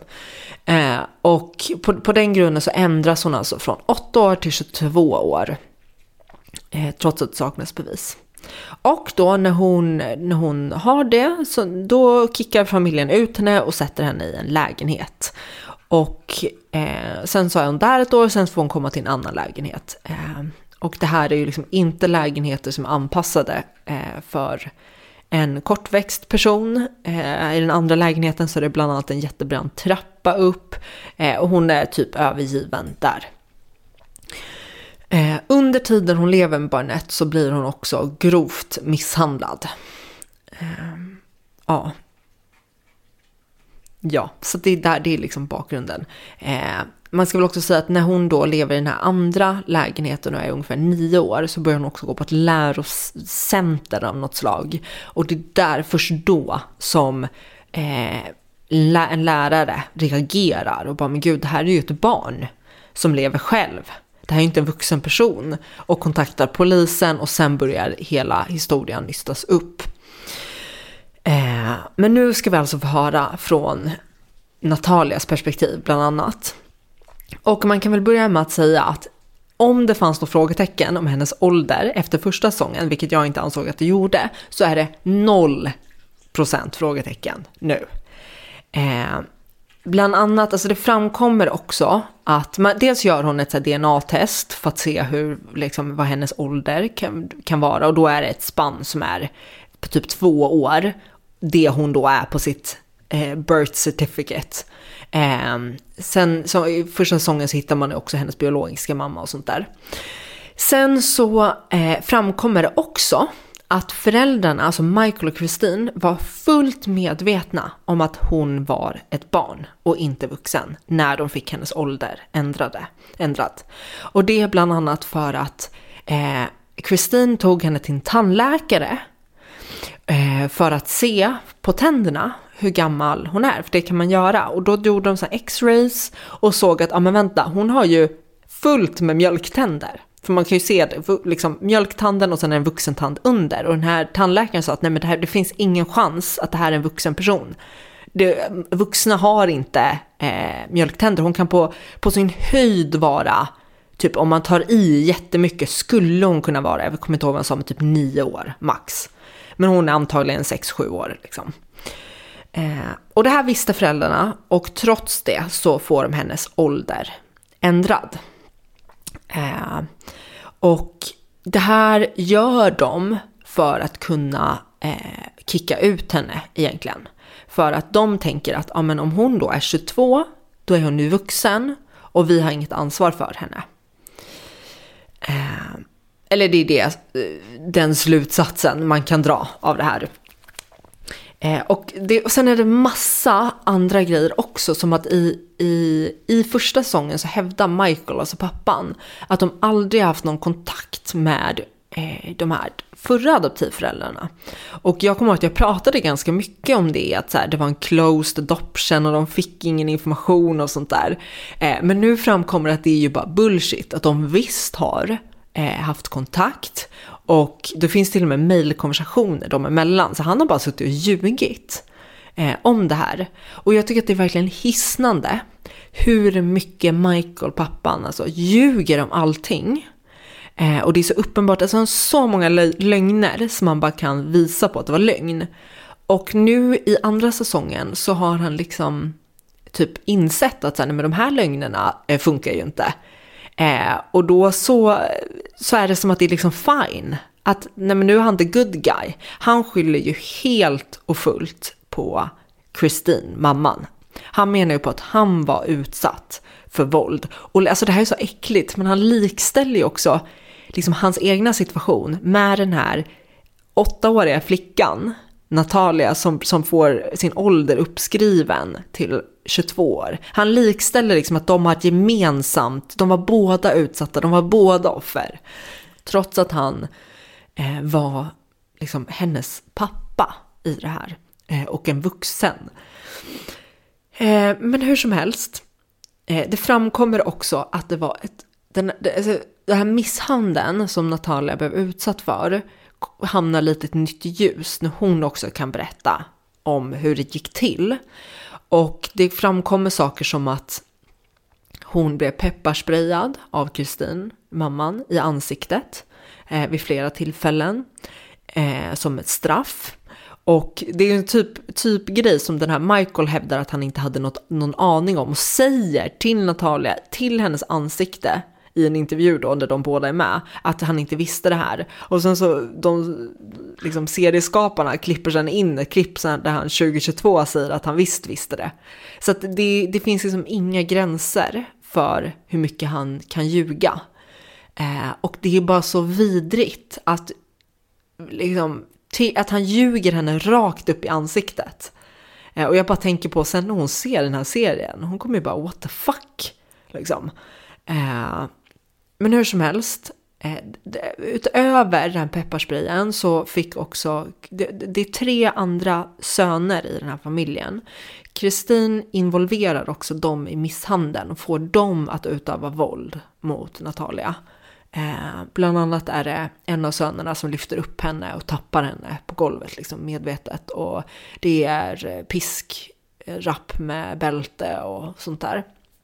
Sen så noterar jag också att det är väldigt mycket funkofobiska inslag i den här misshandeln. Bland annat så eh, klär Kristin ut henne till en gårdstomte eh, och får henne att stå i fönstret utklädd som den här tomten då. Och det är ju anspelning på att hon är kortväxt och ser liksom annorlunda ut. Eh, så det, det, blir väldigt tydligt. Sen så framkommer det också utifrån det Natalia också berättar att det är framförallt mamman Kristin som är drivande i själva misshandeln. Eh, sen ska jag, också, jag ska bara säga att hon, Kristin har inte velat vara med i den här dokumentären så att man har inte hört hennes perspektiv eller försvar på något sätt. Men det, det alla som är med berättar om är just att det är Kristin som är drivande. Eh, och då pappan Michael Eh, är liksom passivt delaktig i det här. Eh, han är fullt medveten om det och han agerar inte. Eh, ja, han har ju en skyldighet, alltså en juridisk skyldighet att eh, liksom skydda sitt barn. Eh, och Michael lägger som sagt hela skulden på Kristina och menar att han är, han är bara offer i det här och han har inte liksom, någon, gjort något fel i princip. Eh, sen ska man väl också tillägga att jag tänkte på det också att här, båda kan ju de facto, det kan ju vara sant att han också var utsatt av mamman Kristin. Eh, det kan ju vara sant samtidigt som han har varit delaktig och en förövare i form av att han inte har skyddat, Christine, eller skyddat Natalia på något sätt. Och också varit fullt delaktig i att få hennes ålder ändrad och allt vad det är. så, att, så att han kan ju vara både offer och förövare samtidigt. Det är ju, det är ju möjligt liksom. Eh, och jag tänkte också ganska mycket på så här, hur hade man sett på det här om det var ombytta roller? Om Kristin var eh, mannen och Michael kvinnan. Hade vi varit mer förstående att det var liksom en utsatt kvinna som Eh, ja, ni fattar vad jag menar. ja, om, alltså jag tänker så här, visst, om det var hot om våld till mm. exempel, i en sån omvänd, ett omvänt scenario, eh, där det finns liksom ett våldskapital hos den som hotar, men det han har berättat själv är ju att hoten bestod i att hon säger så här, ja men då kommer jag sticka och du får inte träffa dina söner, mm. och att du får inte sex. Ja. Just det, och då är så här, jag vet inte hur mycket offer du är. Eh, som är liksom med och, och inte, inte bara är passiv under det här, utan han är ju 100% alltså pådrivande ja, ja. i den här monstrifieringen av Natalia mm. och allt det här då som skulle motivera eh, Christines fysiska eh, våld mot henne är han ju fullkomligt delaktig Ja men visst, och det blir ju det här begreppet som vi var inne på i din del Kajan, det här i samförstånd, liksom delaktig i samförstånd. Eh, ja. Så att jag är ju helt med på att han är en förövare här. Men jag menar mm. bara som en generell grej, att jag tycker inte eh, det faktum att så här, eh, om man kommer fram till att ja, men han har också varit ett offer, så menar jag på att det är fort, han har ju fortfarande varit en förövare. Och att mm. det inte är ett motsatsförhållande, att det inte går att vara båda samtidigt. Det är fullt, en fullt möjlig, en, liksom, möjlig utgång. Eh, Verkligen. Ja, men också eh, i den här det jag tänkte på också väldigt mycket att det är ju så mycket funkofobi. Hela det här narrativet om att hon eh, i själva verket är vuxen, hon, och att få hennes ålder ändrad är ju helt by byggt på, på, som du säger, den här monstrifieringen, att hon är konstig, hon, är, liksom, Mm. hon ser konstig ut, hon går konstigt, hela den grejen. Och det, det hade aldrig, jag tror i alla fall inte, det hade aldrig gått om hon var ett eh, liksom norm, eh, normfungerande barn utan funktionsnedsättning. Nej, nej. alltså det är ju, i och, med, I och med hennes funktionsnedsättning eller funktionsvariation så ses hon som mindre, alltså mindre människa Ja. för det första, men också mindre barn. Det blir Ja, ja. omöjligt för en i en funkofobs ögon att hon är den oskyldiga parten, Ja. för att hon är så avvikande. Men det är också, jag tycker det går igen genom liksom hela serien. För att även nu när det är liksom klarlagt att hon faktiskt var åtta år gammal, hon var ett barn, det finns inga frågetecken det. Trots det så är det flera som intervjuas, bland annat pappans advokat, eh, som de fortsätter ändå hävda att hon har en skuld i det här och att det är hennes beteendeproblematik, att hon eh, förväntas ta ett ansvar och sånt där. Eh, trots att hon har varit helt klarlagt att hon var ett barn. Eh, och jag, jag tänker att det är också en sån här det hade ju inte varit möjligt om, om utan den här funkofobin så hade det ju inte varit möjligt att lägga skulden på en åttaåring. Nej. Eh, så att det blir så tydligt i det här. Och också Vet du vem som- jag hatar? Jag måste bara... Ja. Vet du vem, vem jag typ hatar? Kanske mest av alla. Nej, inte mest av alla. Men i den här andra säsongen. Den här jävla satkärringen som bodde granne med Natalia. När Natalia liksom då, som ett litet barn blir tvingad att bo själv i en Ja. lägenhet och blir också utsatt för ja, men, alltså, en äckelgubbe som tar in henne typ naken i sitt hem och Ja. får, tvingar henne att kolla på porr. Ja. Eh, och den här äckliga, vidriga jävla Kärringen, tanten sitter och bara, ja, nej, det här är Natalias fel och Ja. det var hon, hon gillade nog det där. Sitter och, Ugh! också så här fortsätter på att grejen var att när Natalia bodde i den här första lägenheten, då var det ju många som, det är också så sjukt att ingen av grannarna reagerade på att vänta, det här är ju ett barn. Eh, och hon då, de störde sig så mycket på henne för att hon betedde ju sig som ett barn. Hon var ju hon som åttaåringar gör. Hon visste ju inte att man inte får gå in till en främmande, öppna dörren och gå hem till någon och börja liksom bre mackor och sånt där. Eh, eh, Så att, och att de då, då anmälde de henne som blev vräkt därifrån till slut. Eh, istället för Fan, att, istället alltså. för att vara så här, vänta. Eh, det här verkar lite konstigt. Eh, Men, det är en grej som jag också störde mig så, något så oerhört mycket på. Är hur det här återkommande tas upp, ja, men att, hon, att Natalia skulle ha någon slags beteendeproblematik. Och vara aggressiv och liksom eh, ha sönder saker eller eh, slå något, något annat barn i familjen. Det, är så här, det jag känner om det är så här, och? Jaha, och? Vad med, alltså, 100 procent. Ja, det är så här, vem, vadå? Ja, alltså vadå? Hon är ett barn. Barn Ja. slåss, barn kan ha beteendeproblematik. Eh, det, det rättfärdigar absolut ingenting. Och det säger inte att hon på något sätt är konstig. Som jag vet att jag berättade det, jag tror förra gången, men min lillebror bet ju min storebror i ryggen. Eh, när jag var liten. Mm. Alltså det var så här, barn kan vara våldsamma och de behöver eh, en, en trygg vuxen som kan tillrättavisa. Som, kan Mm. va, som kan lära att nej, man får faktiskt inte göra det här. Och sen ska Mm. man också säga att när hon var nio eller tio, jag lite osäker, så får hon också komma till sin nuvarande familj. Och de föräldrarna berättar ju hur hon visst kunde ha det här beteendet, men att de, de tillrättavisade henne och sen försvann det liksom. Och hon, Mm. och alltså hon, var, hon är verkligen precis som alla andra barn och det är inget konstigt med henne. Eh, och att det ändå liksom fortsätts måla fram på det sättet. Som att det vore någonting udda med ett barn som har sönder ett annat syskons leksak typ. Det är så här, eh, jag bara tänker på mig själv hur många sådana grejer jag gjorde och mina brorsor gjorde. Mm. Eh, typ som när jag, jag vann en, eh, typ 10 kronor på en trisslott. Och min storebror skrapar den där rutan som gör att man inte kan Nej. lösa in den. Eh, eller typ min, min storebror fick en marsipangris, för han älskar marsipangrisar. Och jag gick in, det första jag gjorde var att äta upp hans äpple, du vet som grisen har i munnen, den bästa biten. Eh, nej men alltså man, för att man är syskon, det, man saboterar ju för varandra. Alltså det är liksom en del av grejen.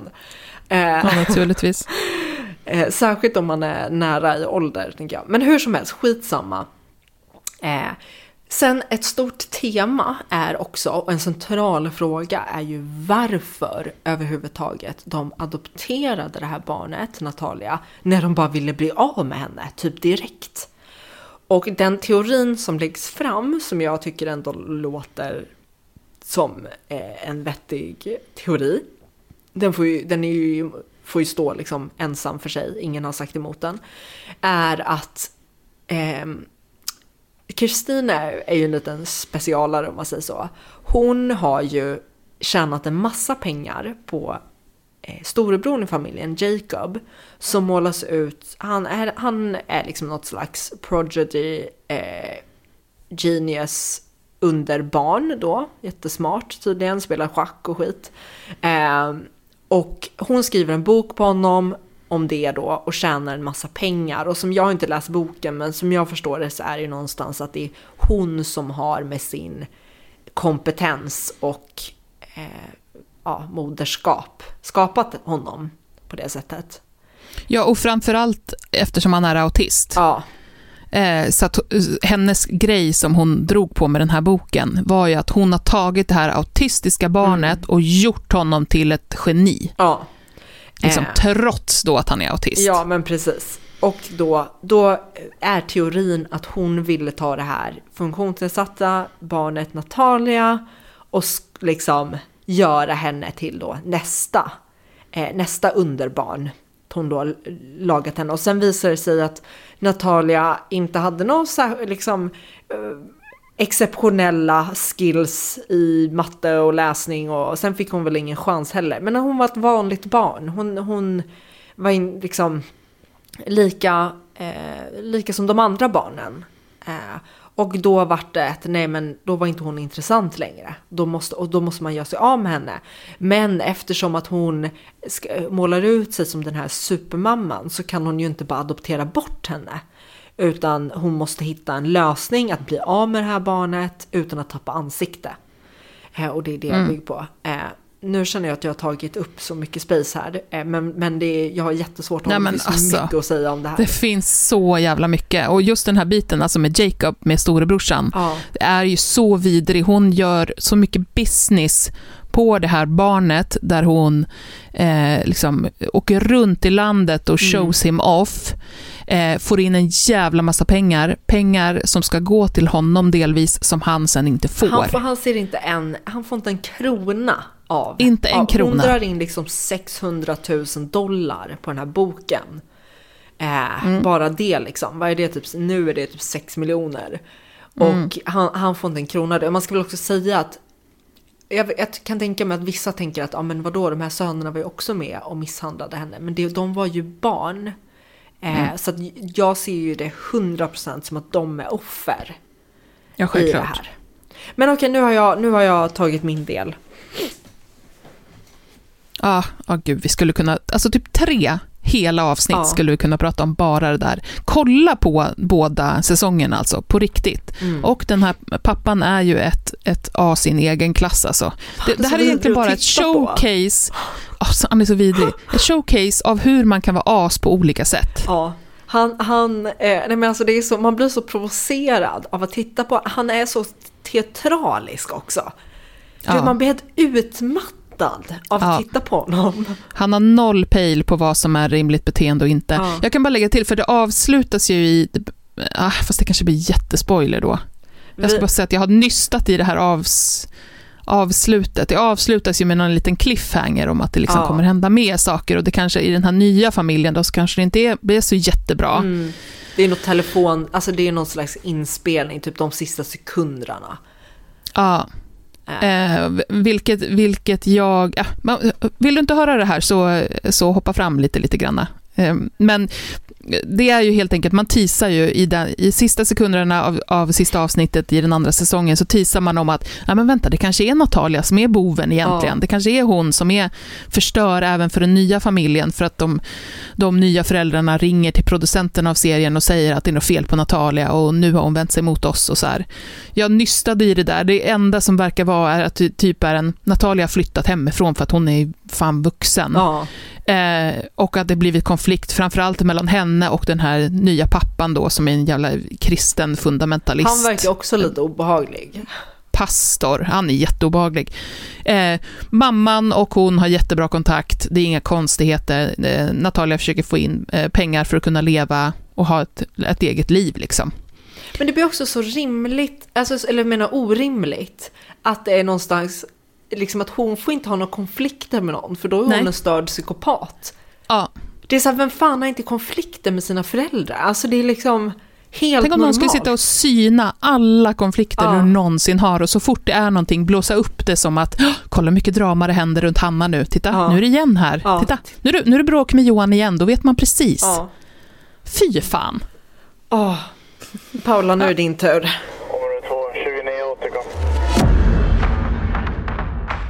Nyans, feministisk true crime med Kajan, Hanna och Paula. Och då tänkte jag prata lite grann eh, om internationella domstolen eh, och åtalet emot Israel.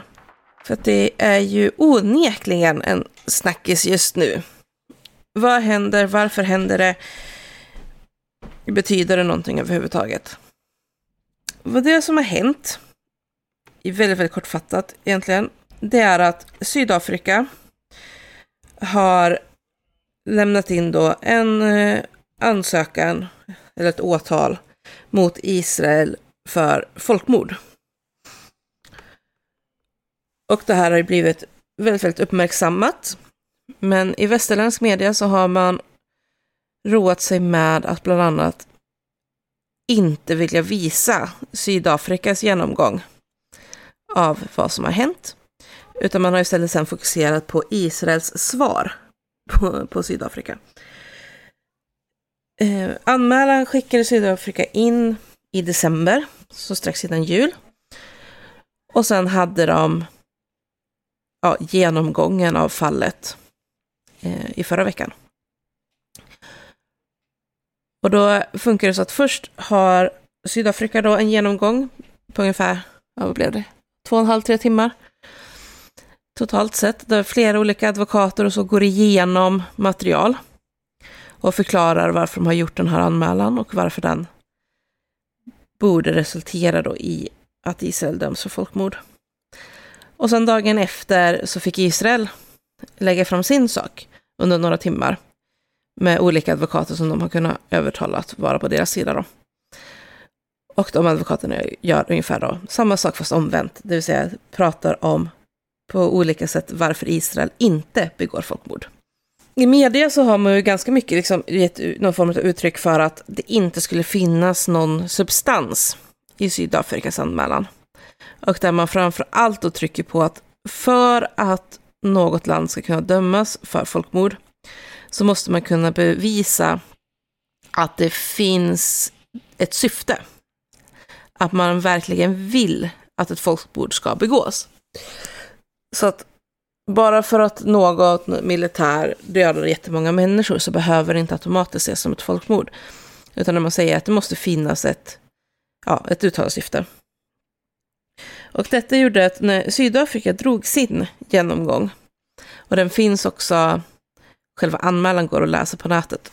Eh, den är, vad är det, 68 sidor eller något sånt där tror jag. Den är ganska rejäl.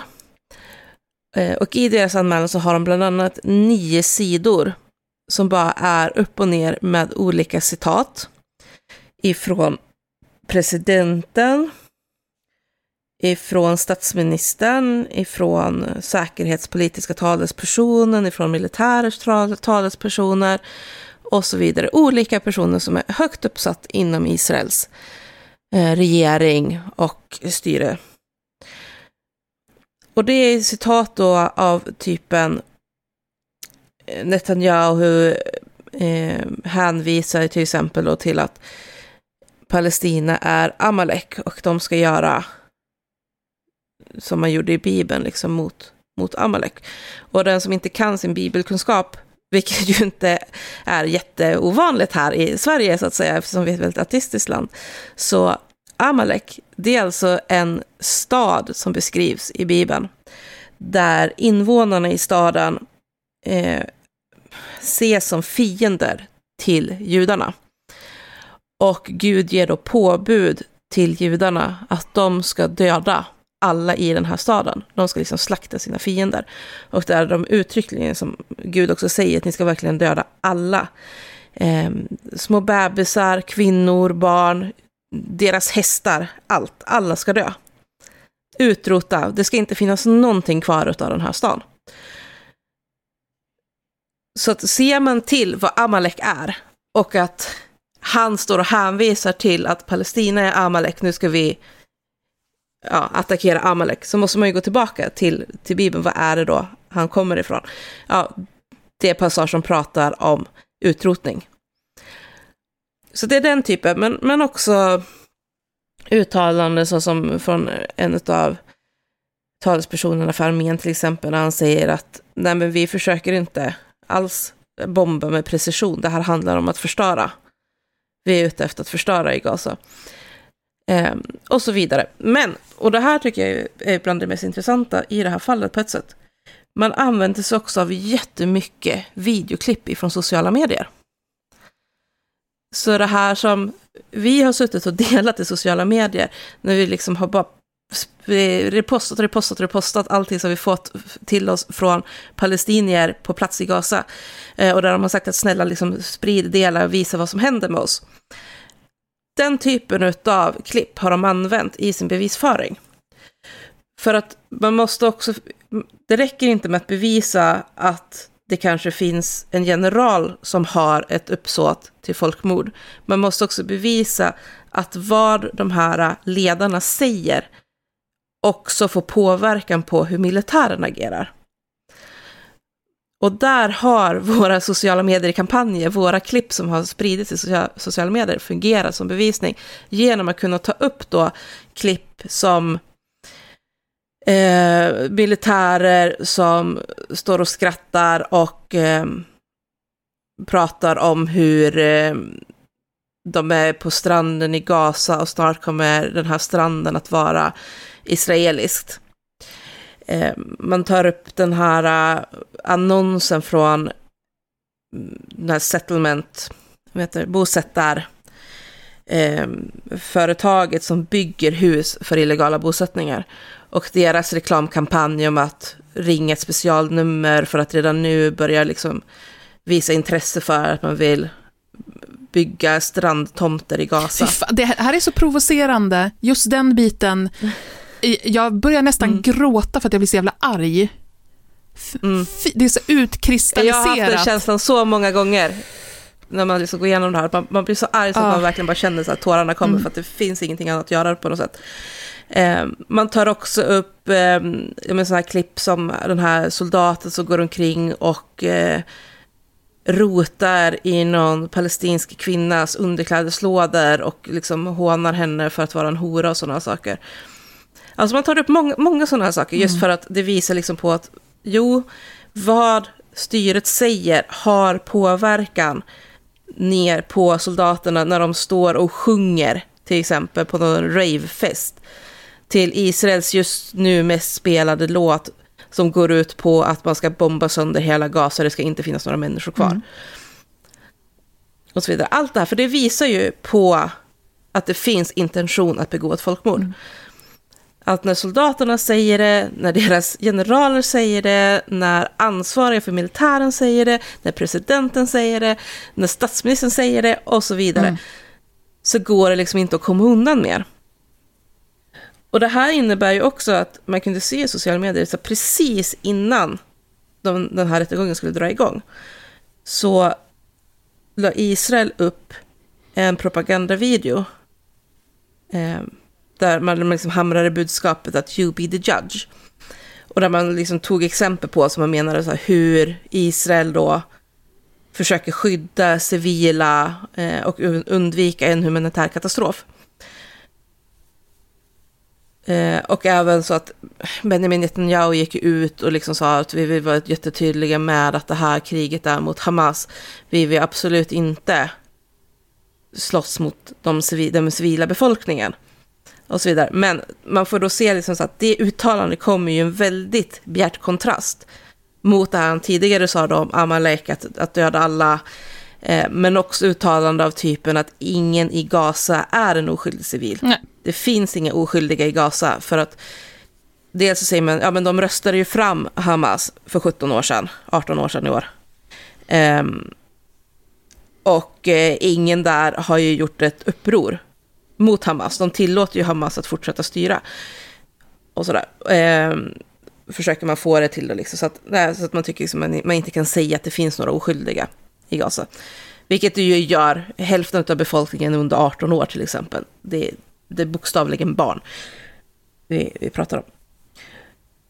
Så allt sånt här trycker ju den sydafrikanska utredningen på. Men vad de också gör för att visa på att det visst finns en vilja till folkmord, det är att de pekar också på hur ockupationen har sett ut innan de här bombningarna började, innan mm. 7 oktober. De pekar också på Västbanken och säger att där finns inte Hamas. Det går inte att säga att liksom man, man bedriver krig mot Hamas på Västbanken. Eh, och ändå har man kunnat se efter 7 oktober hur dödandet och våldet mot palestinier sköter höjden.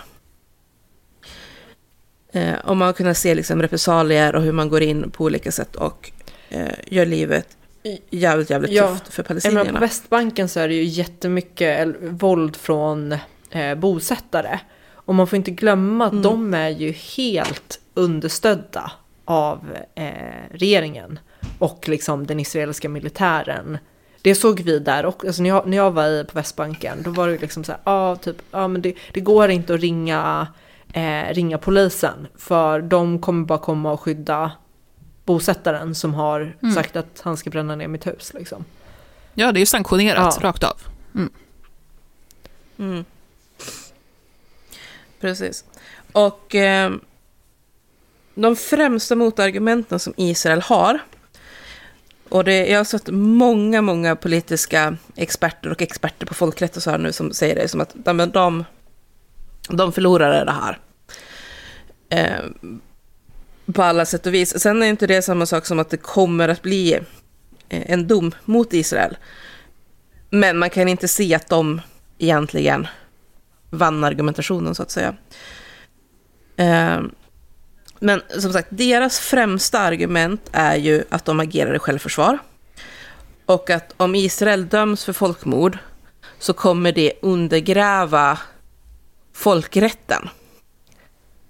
Genom att då säga att man inte alls har rätt till folk, alltså självförsvar.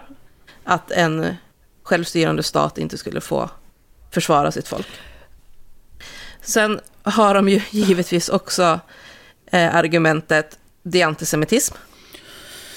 Ja, liksom att eh, de säger i sitt försvar till exempel att Sydafrika lånar sig till att bli Hamas juridiska eh, gren.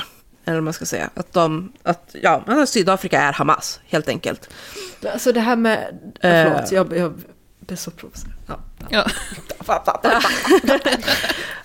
ja. Och att, eh, att Sydafrika då genom att, att agera för Hamas räkning också då är antisemiter. Man menar att man på något sätt skulle hålla Israel till en annan standard, eller en högre standard, än vad man håller andra länder. Och här kan jag känna att det är ganska relevant att påpeka till exempel att den här första typen av preliminär dom, som, som vi väntar på nu i det här fallet, en sån dom har redan kommit vad gäller Ryssland och Ukraina. Där det finns mycket, mycket mindre bevis i form av att Putin eller eh, hans eh, medhjälpare uttalar sig om att de vill utradera det ukrainska folket för att kunna ta över Ukraina. Och ändå har man där slagit fast att det Ryssland gör mot Ukraina är folkmordshandlingar och att man därför ska fortsätta utreda om Ryssland begår folkmord. Och under tiden så har man liksom sagt åt Ryssland att ni måste egentligen sluta. Eh, ni får inte fortsätta med den här militära offensiven mot Ukraina. Så att det är ju snarare så att Ja, vad ska jag säga? Nej, men jag bara tänker just på det här argumentet som du sa med, vänta Ulla är jättearg. Men jag tänker på det här argumentet som du sa med att så här, ja men vi har rätt till självförsvar. Det är så här, ja, alltså självförsvar är en grej, men man får ju inte göra vad man vill. Det finns det ju, alltså det mm. finns ju, re, även krig har regler. Du får inte, det är inte som att, mm. ja men vi har självförsvar och därför är det fritt fram att göra precis hur som helst. Nej men exakt, man får inte göra vad som helst bara för att man åberopar självförsvar. Och saker som är dokumenterade nu, som man vet har hänt, är ju till exempel att Israel har bombat med vit fosfor mm. över Gaza. Och det är ett vapen som man säger att man får använda det mot militära mål. Mm. Men det utgör ett krigsbrott att använda det mot civila och i tätbefolkade civila områden. Mm. Och när Gaza då är ett av världens mest tätbefolkade områden ja. så är det jävligt svårt att komma och hävda att man inte använder vit fosfor mot civila i ett tätbefolkat område. Mm. Och ändå har man gjort det om och om och om igen. Mm. Eh, och vad vit fosfor gör är att det är en form av pulver som vid kontakt med andra ytor självantänder och går inte att släcka. Så att när det träffar människor eh, och människors hud eller sådär, så bara fortsätter att bränna in i kroppen tills det kommer tillräckligt långt in för att syret ska ta slut. Mm.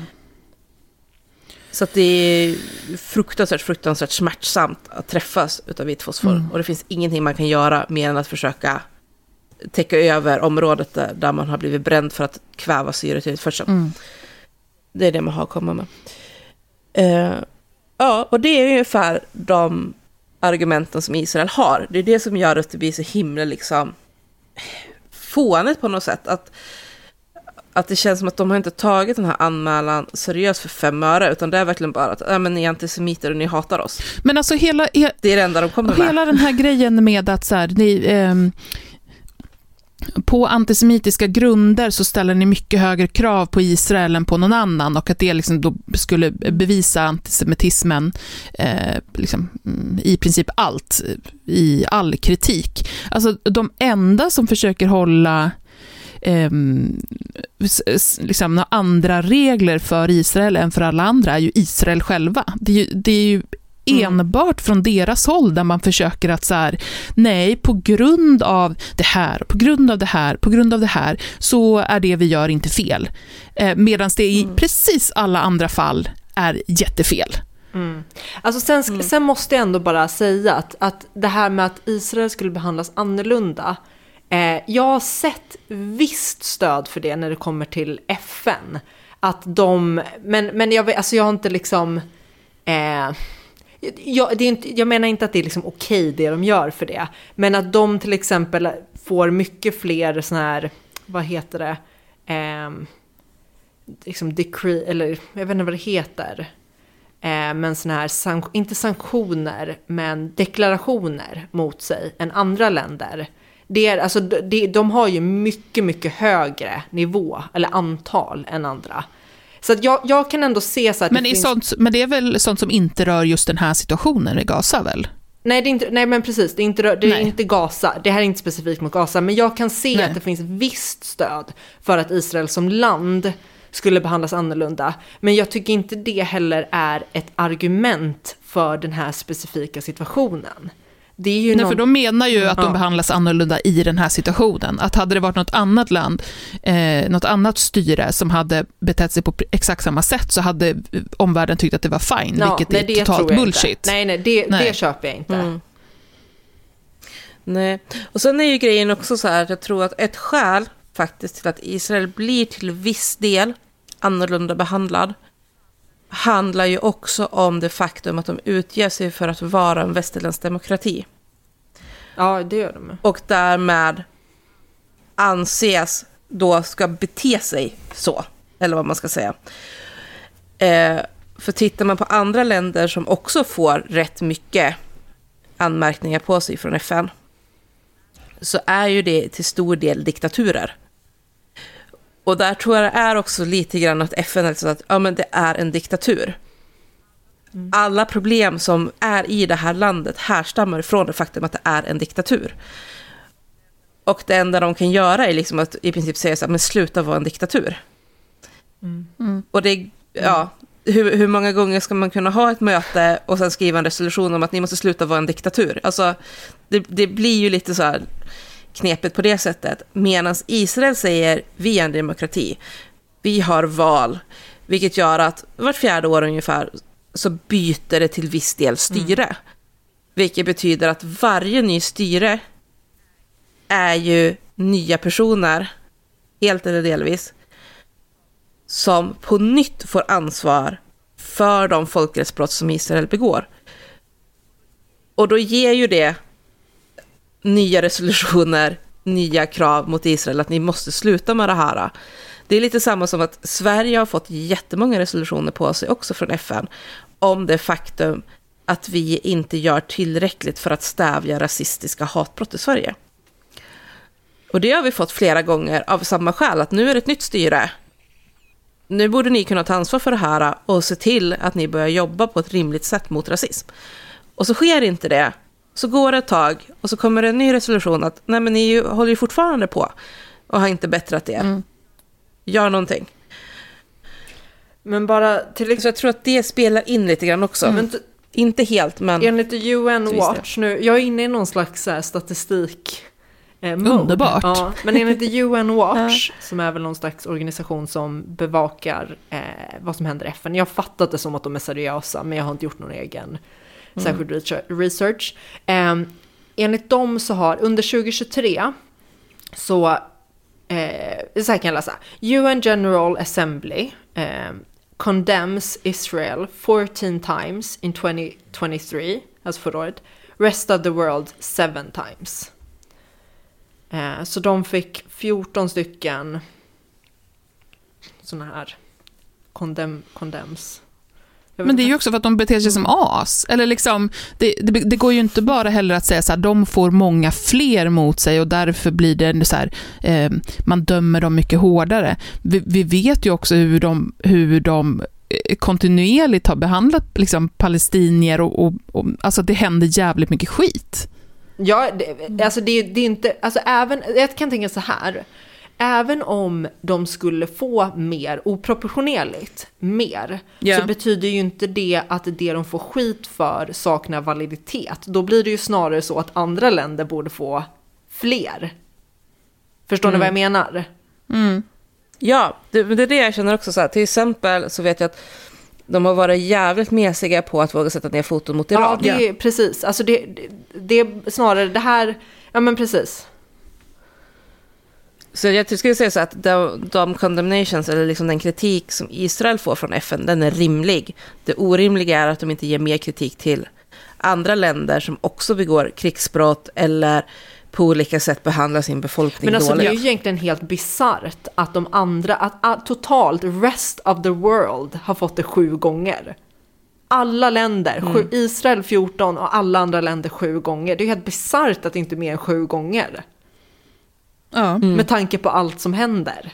gud Det ja. borde vara 177 gånger liksom. Mm. Ja.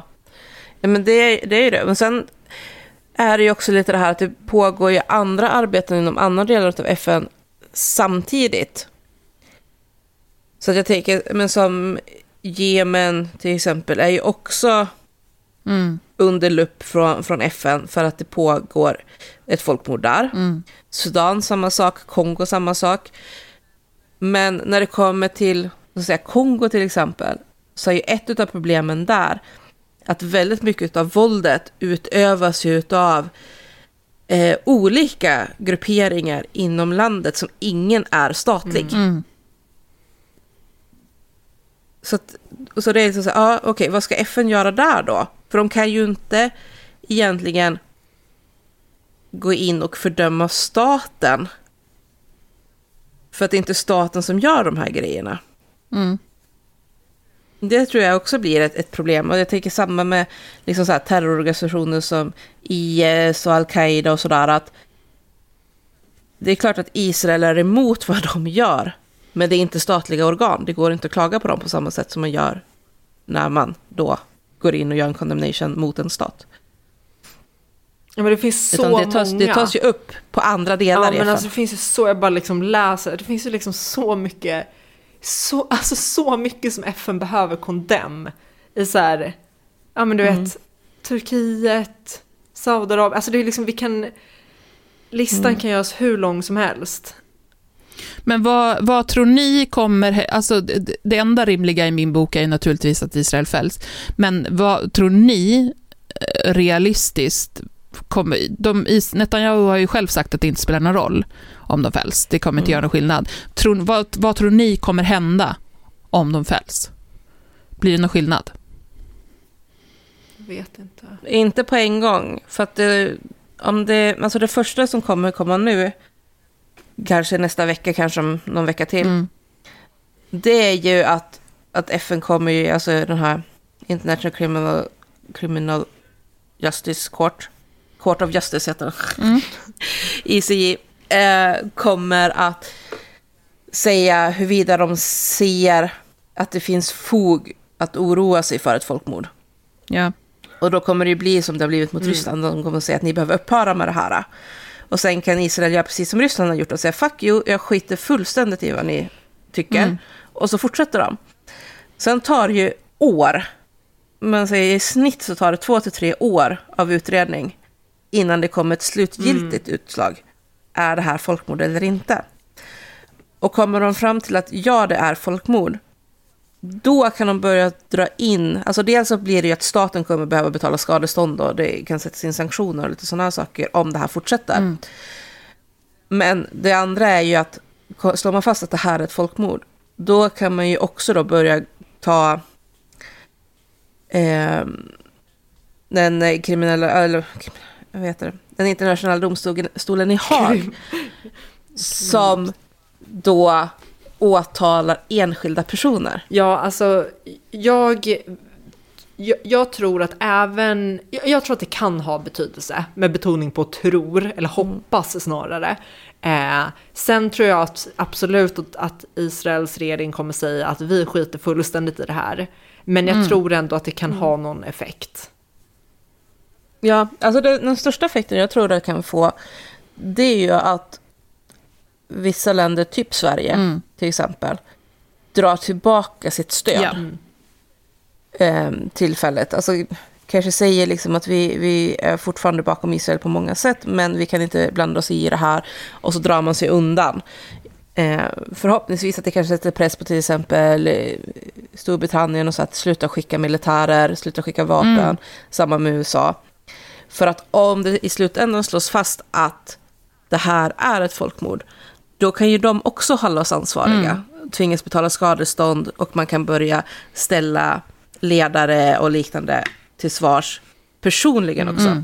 Att ni har varit delaktiga i folkmord, ni har varit med och begått folkmordshandlingar. Eh, och så vidare. Och de grejerna brukar ta ännu längre tid. Sen har ju USA, tack vare, vad heter han, Bush, den yngre. De, de har ju slagit igenom en lag som säger att om en amerikansk medborgare eller någon medborgare i ett allierat land ställs inför domstolen i Haag för krigsbrott eller folkmord så ska de invadera och frita personerna. Det Så vi får se vad, vad, vad det blir av det, om, om det just Ja. är britter, amerikaner och israeler som Ja, börjar ställas till svars för, för folkmord. Nej. Det kan bli Nej, kaos. men jag bara tänker just det här med nyanser. Att så här, från mitt perspektiv så blir det ju det här att eh, det som jag kan ha, tycka, eller som jag har svårt för, det blir när, när det blir de här falska diak- diaktominerna, eller nu säger jag fel, Dika, dik, Dikotomi. vad säger man? Dikotomi. Dikotomierna. Eh, det är så här, jag tror att det kan vara så att Israel behandlas annorlunda som land. Det kan ju vara sant samtidigt som allt det de gör är fullständigt oacceptabelt. Mm. Men hur som helst, eh, jag, jag ho- hoppas på... ja ni vet, att det ska gå vägen i domstolen. Jag visste inte, jag kommer ihåg vad den hette den där domstolen. Ja. Det var den kriminella Den domstolen. kriminella domstolen. ska bli. International, ja men det är ju så för det är så Ja. svårt. International Court of Det finns Justice. så många olika också. De har olika liksom, uppdrag. Och de heter typ samma sak. Eh, men hur som Ja. helst hörni. Ska vi... Åh jävlar va? Ja, det, Nu jag jag delade på ju klockan. någonting från Magda Gad som hade råkat blanda ihop två stycken grupper som båda heter ICJ. Så himla lätt hänt. Ja. De borde komma på lite mer Ja. unika namn. Ja, och då är det ena, det ena är ju International Court of Justice och det andra var International, International Chamber of, ja, vad heter det, jurister. Jag glömde bort vad det heter. Juri, jurists. Nej, jag vet inte. Jurist. Eh, Ja, men hun- 100 procent. men det, det här de, förkortningen blev också ICJ i alla ja, fall. det, är det, här, det här borde de sätta sig ner och fokusera Ja. på just nu, tycker jag. Det här det med gäller att namnen. prioritera faktiskt. Japp. Tänk på oss. Ja. Det blir väldigt krångligt för oss faktiskt. Precis. Men här hörni, vi ska spela in ett Yes. nytt avsnitt så att nu får vi ge oss. Ja, det ska vi. Tack för att ni har lyssnat. Hoppas ni tyckte vårt chatter var intressant och roligt.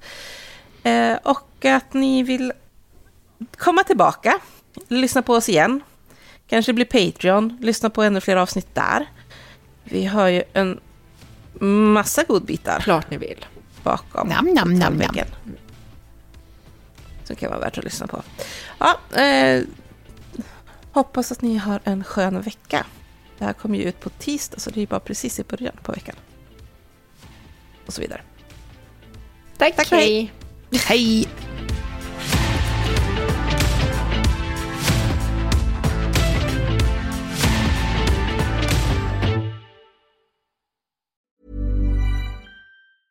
Hey, it's Paige DeSorbo from Giggly Squad. High quality fashion without the price tag. Say hello to Quince. I'm snagging high-end essentials like cozy cashmere sweaters, sleek leather jackets, fine jewelry, and so much more. With Quince being 50 to 80% less than similar brands. And they partner with factories that prioritize safe, ethical, and responsible manufacturing. I love that. Luxury quality within reach. Go to quince.com slash style to get free shipping and 365 day returns on your next order. Quince.com slash style.